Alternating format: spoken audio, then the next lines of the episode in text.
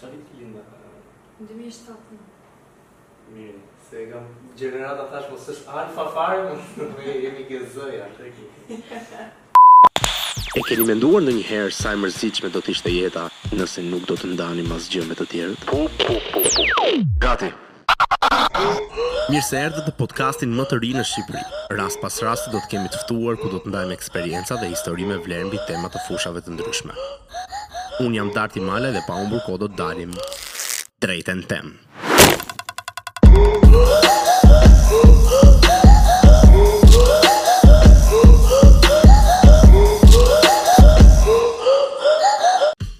Përshëndetje të gjithëve dhe mirë se erdhët në Drejt e në Temë Podcast në episodin e radhës ku do të flasim për një temë goxha interesante. Sa të përgjithshme, aq edhe specifike në fakt. Bëhet fjalë për këndvështrimin e gjeneratës Z mbi edukimin, mbi punën, mbi pasionet, mbi jetën në përgjithësi.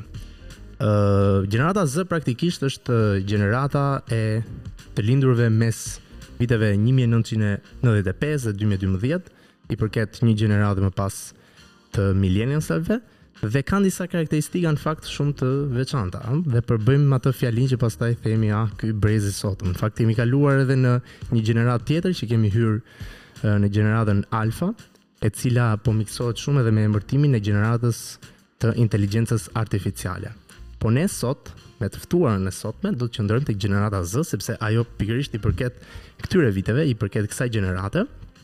Dhe me me shumë kuriozitet do ta dëgjoj për herë të dytë, se unë në fakt e kam takuar një herë, do ta tregoj dhe historinë se si jemi takuar së bashku, mbi këndvështrimin e saj, mbi disa aspekte të të jetës sonë dhe ë Të shikojmë se si një përfaqësi e denjë mendoj për këtë gjeneratë, ajo do të arsyetojë dhe të argumentojë mbi temat që ne do të diskutojmë. Sot do të jemi në një bashkëbisedim me Darlën. Përshëndetje Darla. Përshëndetje.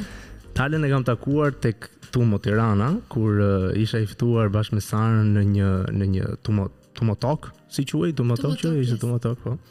Dhe Darla ishte ajo Që ngrinte dorën gjithë kohës, dua të flas unë, dua të flas unë, dua të bëj pyetje unë. Fakt ma bëri shumë qejfin sepse njihte edhe podcastin tim. Po, edhe YouTube-in. Edhe YouTube-in. Po, normalisht, unë nga Sara jam i njohur, unë jam i njohur nga Sara. Dhe unë jam tani kështu, kush njeh podcastin tim, bëhen sytë me zemra direkt dhe pastaj ishte Darla dhe e falenderoj edhe që insistoi edhe shumë për të realizuar këtë episod në në podcastin drejt e në temë me këtë pikërisht këtë temë që në fakt edhe unë e shoh me shumë kuriozitet. Darla, një prezantim të shkurtër për veten, thuaj çfarë të duash ti për qindra mijëra miliona dëgjuesit tanë në këto momente. Okej, okay, unë jam Darla dhe jam studente në Tumo. Vendi ku m'u dha mundësia për të bërë podcastin me Dartin dhe jam në sapo mbarova klasën e nëntë. Darla je tumojane apo jo? Po, Kështu quhet, ëh? Tumojane. Tumojane. Ë tani mbarove klasën e 9. Po.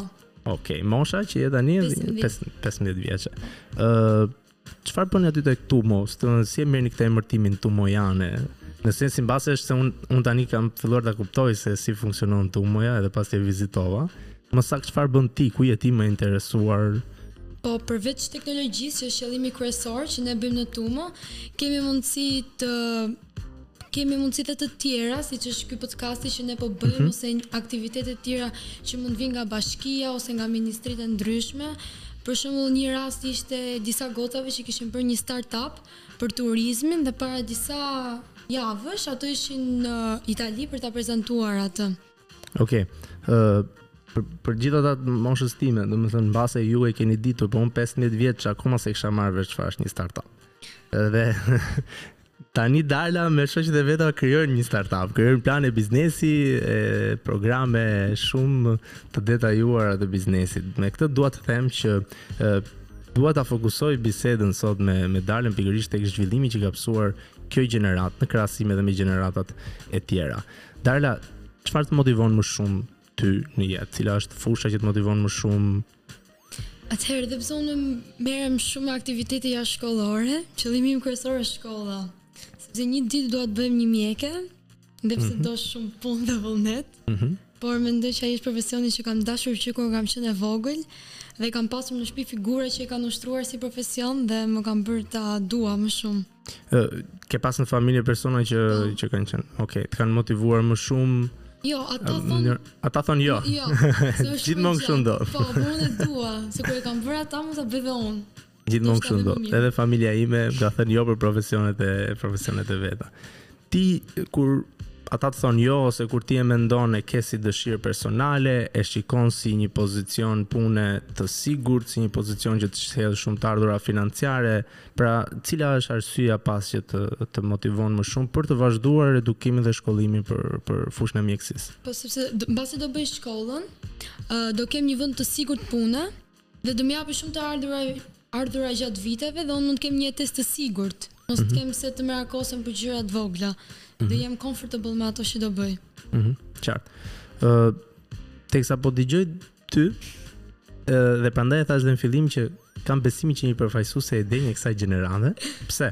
Sepse përpara se të takoheshim po bëja një një një kërkim për karakteristikat kryesore të gjeneratës Z. Dhe sipas një studimi që është bërë nga World Economic Forum, rreth shtatëdhjetë e pesë për qind të kampionit të gjeneratës Z që ata kishin marrë në studim, nuk e shikonin shkollën si një mjet edukimi të përgjithshëm, po donin ta fokusonin sa më shumë në fushat ku ata kishin bërë kërkimet kryesore dhe që kishin besim që do gjenin një punë të sigurt.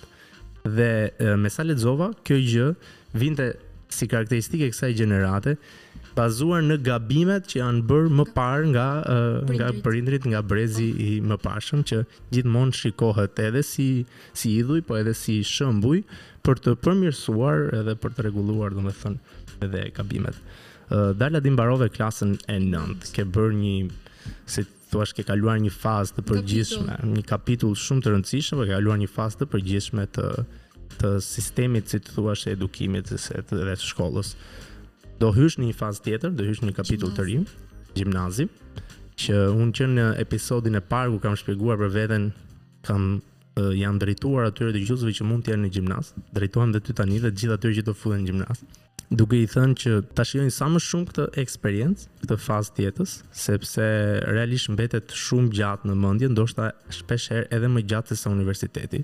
Mund të krijohen shoqëri të vërteta, mund të krijohen ato shoqëri që nuk thyhen kurrë dhe gjithashtu mund të krijohen ë uh, kujtimet më të bukura të jetës dhe formimi dhe elementë që të formojnë për, që do të qëndrojnë gjatë gjithë jetës me ty. Nga ana tjetër, ë uh, Njoh shumë që pasi kanë kaluar gjimnazin nuk kanë qenë të kënaqur me mënyrën e edhe sistemin se si është ndërtuar ë lëndët edhe mënyra se si jepen ato në gjimnaz. Ti çfarë mendimi ke për sistemin shkollor, çfarë mendimi ke për edukimin në mënyrën se si ndodh këtu në Shqipëri apo edhe në formë të përgjithshme? Mendoj që edukimi këtu në Shqipëri është mirë dhe pse ne ndonjëherë ankohemi, sepse ne Si shkollë, ose në krahasim me olimpiadat që kemi bërë në vende të tjera, kemi qenë më të përgatitur, sepse ne kemi pas në thonjza një çekan mbrapa koke që ka qenë gjithmonë aty që të na bindte që ajo ishte e duhura dhe që të vazhdonim të punonim më shumë. Dhe duke qenë se jemi një moshë që kemi jemi si të lëkundur, po nuk kishim dikë nga mbrapa që të na rrijë aty, nuk arrijmë dot diçka dhe nuk ecim dot përpara. Okej, kur thua për Çekani që ka ndejt mbrapa për kë e ke fjalën për prindërit apo Jo, e kam për mësuesen. Herë në fillim janë prindërit që ia thonë mësuesit, mm -hmm. më pas të bëhet vetë ajo gjëja, të krijohet ajo egoja për të arritur më shumë dhe për të qenë e para në çdo vende, sepse ti mendon që mund t'i bësh të gjitha dhe po të punosh, i arrin. Mhm. Mm Qartë. Ë uh, Ti je ok me faktin që ti të duhet të studiosh shumë lëndë të ndryshme sipas metodës që do mësuesja dhe mësuesi i asaj lënde dhe në fund ti do të vazhdosh vetëm për një fushë të caktuar që është mjekësia. Je ok me këtë fakt? Jam ok me këtë fakt deri nga viti parë ose i dytë, ne kemi që në vit tretë bën lëndët me zgjedhje, po që mund të ishte edhe në vit dytë, vit tretë do ishte më mirë, po prapë është mirë se mund t'i eksperimentosh gjitha. Mendoj që je shumë e vogël për ta zgjedhur direkt atë që do.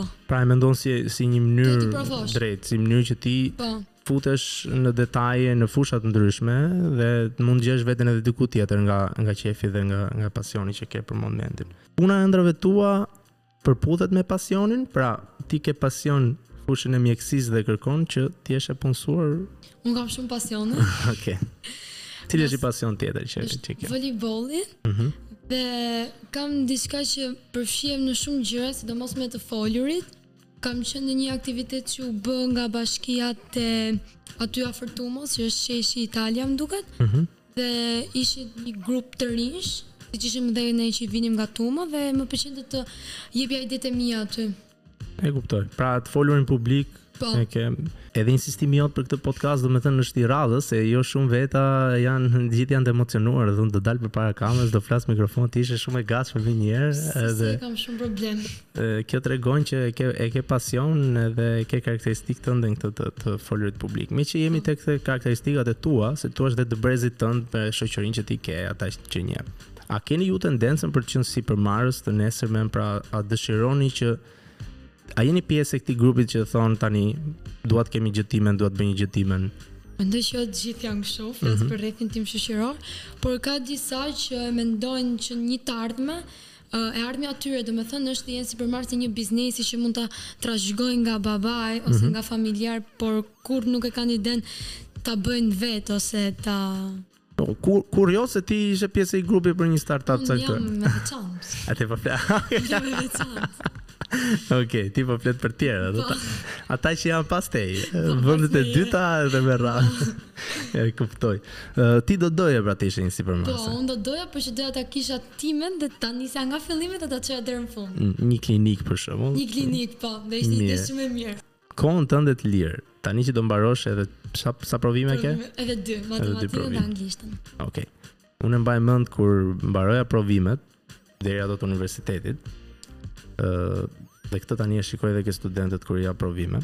Momentin që mbaron ai provimi i fundit, themi po mirë, po tani çfarë do bëj? Se de, je mësuar me një rutinë edhe ke diçka gjithmonë në mendje që unë tani do mësoj për provimin e matematikës, edhe duhet të studioj etj etj. Ti çfarë do bësh tani pas këtij provimi? Kohën tënde të lirë në verë, ah do bësh pushime patjetër, po në përgjithësi si e shpenzon dhe si mendon ta shpenzosh sa më mirë kohën tënde të lirë. Unë kam një ide që nuk e di sa do ta realizoj, mm -hmm. por që Qoftë se i futem punës, mbasi të mbaroj provimet, që të jem e fokusuar qind për qind aty, mund ta arrij, sepse aplikimet mbyllen në shtator, kështu që duhet të jem e organizuar. Okej. Do ta mbash sekret këtë gjën? Po, derisa ta them. Po, kur thua në qoftë se i futesh punës në ça sensi e ke? Pra, është diçka që kërkon kërkime, duhet të punosh, duhet të shkruash diçka, duhet Jo, duhet të kërkoj. Duhet të bësh kërkime. Nuk është diçka dhe aq e lehtë. Thjesht Në një aktivitet më dha idenë, unë dhashë idenë, ajo më tha pse nuk bën një startup. Mm -hmm, startup okay. është. Në është një startup, okay. Dhe, një ide startupi. Po, një ide startupi dhe nuk e di, qoftë se arrij aty ku unë dua, mund të bëj një aplikim, mm -hmm. dhe po nuk u pranua, dhe mm -hmm. ta provoj. Okej. Okay. Provon shpesh, domethënë më pëlqen shumë kjo mundësi që ke patjetër. Mendoj që e kanë shumë tani në brezin tënd, po. megjithatë Jo të gjithë. Se po ta kishin të gjithë këtë, do ishin shumë më shumë njerëz të suksesshëm në qoftë se të gjithë do ishin me këtë mendjen ë që le ta provoj dhe nuk do humb asgjë. Maksimumi është që nuk do marr aplikimin siç ti the. Po. Që ti si e ke si si si praktikon, pra provon shumë Unë unë provoj në gjërat që e di që nuk do t'i bëj në një të ardhme, domethënë provoj që është një mundësi, por në gjërat që unë i kam primare për mua në të ardhmen unë mëshoj shumë tek ato se dihet që nëse nuk funksionon ajo çfarë do funksionojë tjetër. Qartë. Po kur thua që kur e di që nuk do ta bëj më vonë në të ardhmen, domethënë provon gjëra që ti mendon që ok ky është momenti sepse kjo është faza ime po. e jetës që mund të mund të tentoj kaq shumë. Po, këtë vit Për shembull, u futa në një ekip volejbolli dhe arrita që për dy muaj të federohesha dhe të luajsha në lojë. Okej. Edhe pse unë dija volejboll, po nuk dija mënyrën profesionale. Domethënë tani ti edhe volejbollin e praktikon në mënyrë profesionale, themi je e federuar edhe. Okej, super. Suksese. Faleminderit. Sa i përdor Rrjetet sociale, ti, brezi jot. TikTok-un. TikTok-un. Okej. Çfarë shikon tek TikTok-u në sensin tërheqës? Domethënë, çfarë të pëlqen më shumë? E e përdor më shumë vetëm për kontente të tjera apo mendon që t'i marrësh ndonjë gjë? Jo, nuk bëj content aty në TikTok. Ti bën apo nuk bën? Jo, nuk bën, thjesht shikon. Por në këtë periudhë, po. Në këtë periudhë po më dalin shumë college applications. Ok. Edhe shof shum që kan aplikuar për shembull në Ivy League schools edhe ato pikat e asaj se ashtu është for you page dhe nuk kam çfarë të bëj dhe unë i shof. Jo, më interesojnë. For you page i dalka shumë i mirë. Pa pa. For you page im që kur jam fut për herë të parë si jo login, jam fut si guest po. dhe algoritmi gjeografik Nxori ca kërcime të çuditshme. E di. Nxori ndonjë aplikim projekti. Për një kod gjatë aty.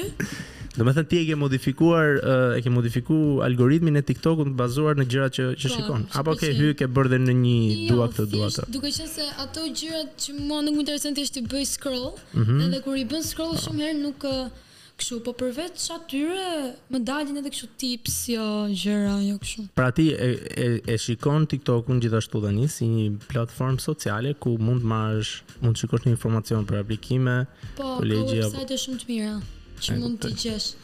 Qartë. Meqë jemi te aplikimet në kolegjet e huaja, në universitetet e tjera. Çfarë mendimi ke për Shqipërinë Dhe a je ambicioze për të qëndruar dhe për të ndërtuar një të ardhme në Shqipëri apo ke tendencën për t'u larguar? Duke marrë shkas nga dega që unë dua të vazhdoj, mjekësia, ka vetëm dy opsione. Mhm. Përveç den, dentares. Ë, ose do ikësh te zonja e Këshillit të Mirë dhe do e bësh në italisht, Që unë nuk di italisht dhe nuk kam ndërmend të mësoj italishtën, nuk më pëlqen. Më pëlqen ta vizitoj, po po jo ta flas edhe të mësoj. Po për ta vizituar, një spageti të mirë patjen. Një gelato aty. Po. Dhe tjetri është shtetërori. Që nuk më duken shumë ëh që nga emri ëh. Bëj shaka. Shiko, un jam pedagog në Universitet Shtetëror. Edhe di të them shumë që perceptimi që është krijuar, edhe stereotipi që është krijuar mes privatit dhe shtetërorit është totalisht i gabuar. Un kur kam ardhur në Shqipëri nga Italia, pikërisht për përsëri kisha të njëjtin mendim dhe stereotip që ishte krijuar pa e provuar vet. Sepse nuk e kisha provuar një universitet shtetëror. Por di të them që Zoja e Këshillit të Mirë, fakulteti i mjekësisë, çdo fakultet tjetër ka standarde të cilat bazohen në standardet e huaja. Literatura për shembull është e huaj, edhe në fakultetin e mjekësisë është e përshtatur etj etj. Por megjithatë janë faktorë pastaj edhe personalë, edhe zgjedhje personale të cilat uh, vendosin. Po ti ke këto dy opsione për të shkuar po. në një universitet privat ose në një universitet shtetëror. Nuk më duket mjaftueshëm. Ka degë që për shembull inxhinieri gjenetike që unë kam parë që këtu nuk nuk e di a ekzistojnë. Ah, okej. Okay. Pra, ë ti mendon që mund të largohesh nga Shqipëria edhe për arsye sepse mungon dega në të po. cilën ti do që të po. studiosh. Inxhinieria gjenetike. Gjenetike. Mirë fort ke lexuar për të po, e ke dëshirë. Po, e gjitha nisi si një projekt biologjie. Mhm. Mm Te për i thjesht kishim një temë Edhe pastaj kuptova që aty në laborator bëheshin jo për diabetikët, që bëheshin qendrat edhe kështu, m'u duk interesante, por nuk e di a mund të rri unë tërë ditën në laborator. Mm, e kuptoj. Mirë, ke kohë. Ke kohë ta shikosh të. Ë, pra, një përgjigje çik më Më të përgjithësuar edhe për brezin tënd. Kur dilni, kur diskutoni, kur flisni? Si jeni gjithmonë me kështu ah këtu në Shqipëri apo ah këtu në Shqipëri? Ah këtu në Shqipëri. Vazhdo fare tjetrën. Dhe në ah këtu në Shqipëri, du, duke parë se ça bëhet po, jashtë, po, edhe ah këtu në Shqipëri. Po a nuk, men, a nuk mendoni se në fakt jeni ju brezi që realisht atë që shikoni, që nga celulari, nga ipadi që jemi tani, Mundet që ta sillni këtu përmes kontributit tuaj, sepse unë po ta them me shumë modesti, jeni një brez që keni një qasje në informacion të palimituar. Po. Edhe jeni edhe një brez që e, nivelin e inteligjencës të provuar, sidomos edhe në Shqipëri, e keni goxha të lartë. Tani Mu më vjen inat, pse pse të ikësh ti tani edhe po pse jo pse të rrezikojmë. Shiko, se të rrezikosh ti, okay. Se të rrezikojmë, të rrezikojmë një tjetër. Po mu për veten më vjen inat që pse ti të ikësh tani edhe t'i japësh kontributin tënd Gjermanisë. Nuk e di, po po u futëm në BE për 3 vjet, okay. Po nuk u futëm,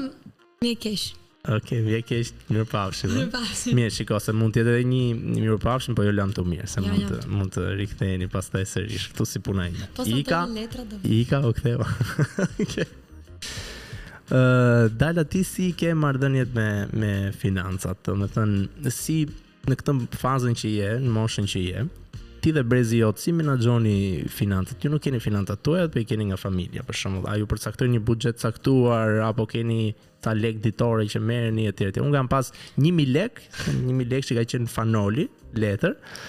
Pastaj u rrit, shkoi 2000 lek.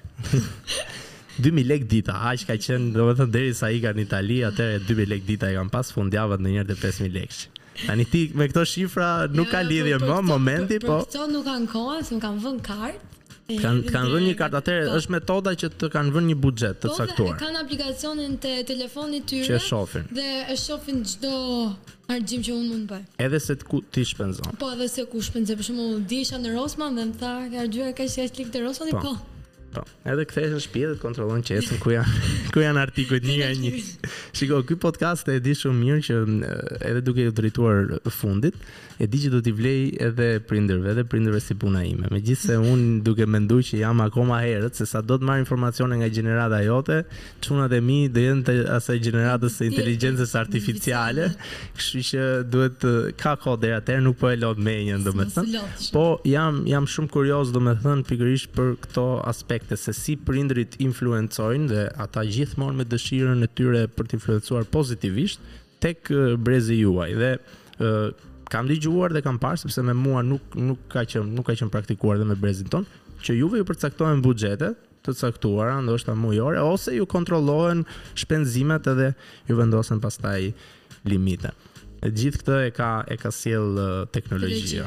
Ti si e shikon momentin që ndodhemi tani në aspektin e konsumit, pra konsumerizmi si është ë Ti vetë edhe brezi jot, keni tendencë për të blerë sa më shumë gjëra në sasi apo jeni shumë specifike dhe përzgjidhni? Unë personalisht jam shumë klasike në gjërat që unë blej dhe dua një gjë po që të jetë e rregullt, e mirë, material i mirë, mos më japi vapë, të jetë klas, domethënë mos të jetë shumë e ekzagjeruar. Dhe normal që këto gjëra që unë kërkoj kushtojnë, por mm -hmm. llogarite që nëse do blije tre gjëra dhe do prisheshin ose nuk do ishin të rehatshme, më mirë blen një gjë tamam dhe e ke. Pra je më shumë tek blerja e cilësisë po, se sa sasisë. Po. E kuptoj. Po vetë si si shoqëri, si, si gjeneratë çfarë do të thoshe, jeni shumë të orientuar drejt markave? Po. Ëh? Po. po. E shikoni se çka keni veshur? Po. po. Gënje, jo. Normal gënje. Kam fol një nga podcastet e mia për presionin shoqëror që kanë momentalisht të gjitha brezat edhe ke brezi im për të pas brendet e fundit edhe se si ti ndoshta te një restorant mund të të thonë me këtë bluzën Superdry që kam unë nuk ka vende vllai. dhe me një brand këtu thotë po po janë të lira dy tavolina. jo po ne ngaqë unë që e vogël kam qenë shkollë private, Dhe nuk është se ka qenë shumë presion se të gjithë normal ishin të veshur, mm -hmm. kupton? Pa një standardi, një standardi. Standardi ishte që, po. të gjithë e kanë. E kanë mundësinë.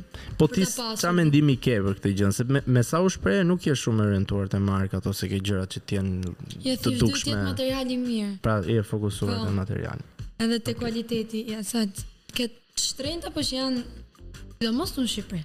Mhm. Tala, një panoramë të përgjithshme, si si mendon ti çfarë e bën një adoleshent të lumtur dhe si si si lumturohet brezi juaj tani? Sipas prioriteteve, ku e gjen lumturinë më shumë? Domethënë, cili është momenti i ditës që ti je shumë e lumtur? Unë për vete lumturinë e gjej në diçka që e kam fituar, ose një arritje që kam bërë, se e kam shumë atë pjesën e o fitore o s'ka, dhe për shembull kjo podkasti që po bëjmë ne për mua është një arritje deri diku, edhe kjo që më bën t'lumtur, se e kam shumë t'rëndësishme të jem Pra rezultati, rezultati pas një pune. Por edhe adoleshentë të tjerë, sidomos që shoh, që të lumtur mund t'i bëjë një shok, një shoqe, ose mund t'i bëjë diçka e re, një telefon, një kompjuter, rroba, atlete, make-up, nuk e di. Pra, ti nga vetja jote, çfarë mesazhi do i jepje një djali, një vajze që është në moshën tënde, që të marrë më të mirën nga kjo periudhë, periudhë, pra të jetë sa më i lumtur po të marrë edhe më të mirën nga kjo periudhë. Çfarë shikon ti tek periudha e adoleshencës apo dhe tek faza dhe kapitulli i ri që ti the që po futesh tani, si me rëndësi, meqenëse je edhe një person, më fal, se po e zgjas pak. Jo. Meqenëse je edhe një person i cili E ndan jetën me faza dhe thua, kam këtë fazë që jam tani që duhet të provoj të bëj shumë aplikime në mënyrë që të shikoj rezultatet dhe frutet më vonë. Unë mendoj që balanca është një nga çelësat e suksesit, sepse nëse ti mendon që jo jam e vogël, një e zëm, se shpesh shoh adoleshentë, moshatarët e mi që thonë për mësimet ose për testet që thonë po hë se Këto do shijojmë, këtë periudhë do shijojmë. Por ndërkohë rezultatet pastaj nuk janë ato që të duhen për të aplikuar në një gjimnaz ose universitet dhe pastaj është i gjithë një cikël. Mendoj që duhet të paktën duhet të mbajnë mesataren dhe të bëjnë balancë, domethënë e zëmë se mëson dy orë në ditë, dy orë mund të dalë.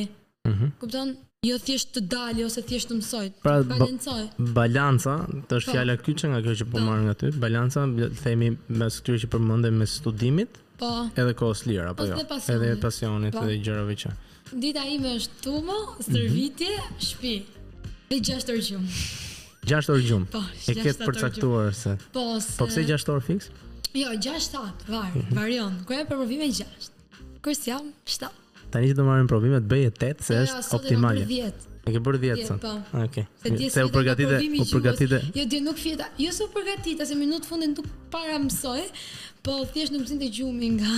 Mhm. Shumë e emocionuar. Okej. Okay. Dhe me mesazhin që ti dhe për balancë Mes studimeve dhe kohës së lirë për të gjithë adoleshentët dhe brezin tuaj, por edhe me shumë uh, mesazhe të tjera që na dhe si një përfaqësi për gjeneratën tënde, unë mendoj që ta mbyll këtë podcast nëse ti nuk ke një gjë tjetër për të thënë. Jo, më pëlqyen pyetjet. Mhm. Dhe mendoj që ju kam ndihmuar sado pak me opinionin tim për këto situata ose këto pyetje. Gjithashtu mendoj, mendoj të njëjtën gjë, edhe e prisja që do ishe kaq elokuente dhe kaq e lirshme që në momentin e parë që u takuam tek Tuma. Tuma. Faleminderit Darna. Faleminderit. Kjo është një gjeneratë, siç po thosha në fillim, e cila ka goxha ndryshime në krahasim me gjeneratat e tjera dhe shpresojmë gjithmonë pozitivisht.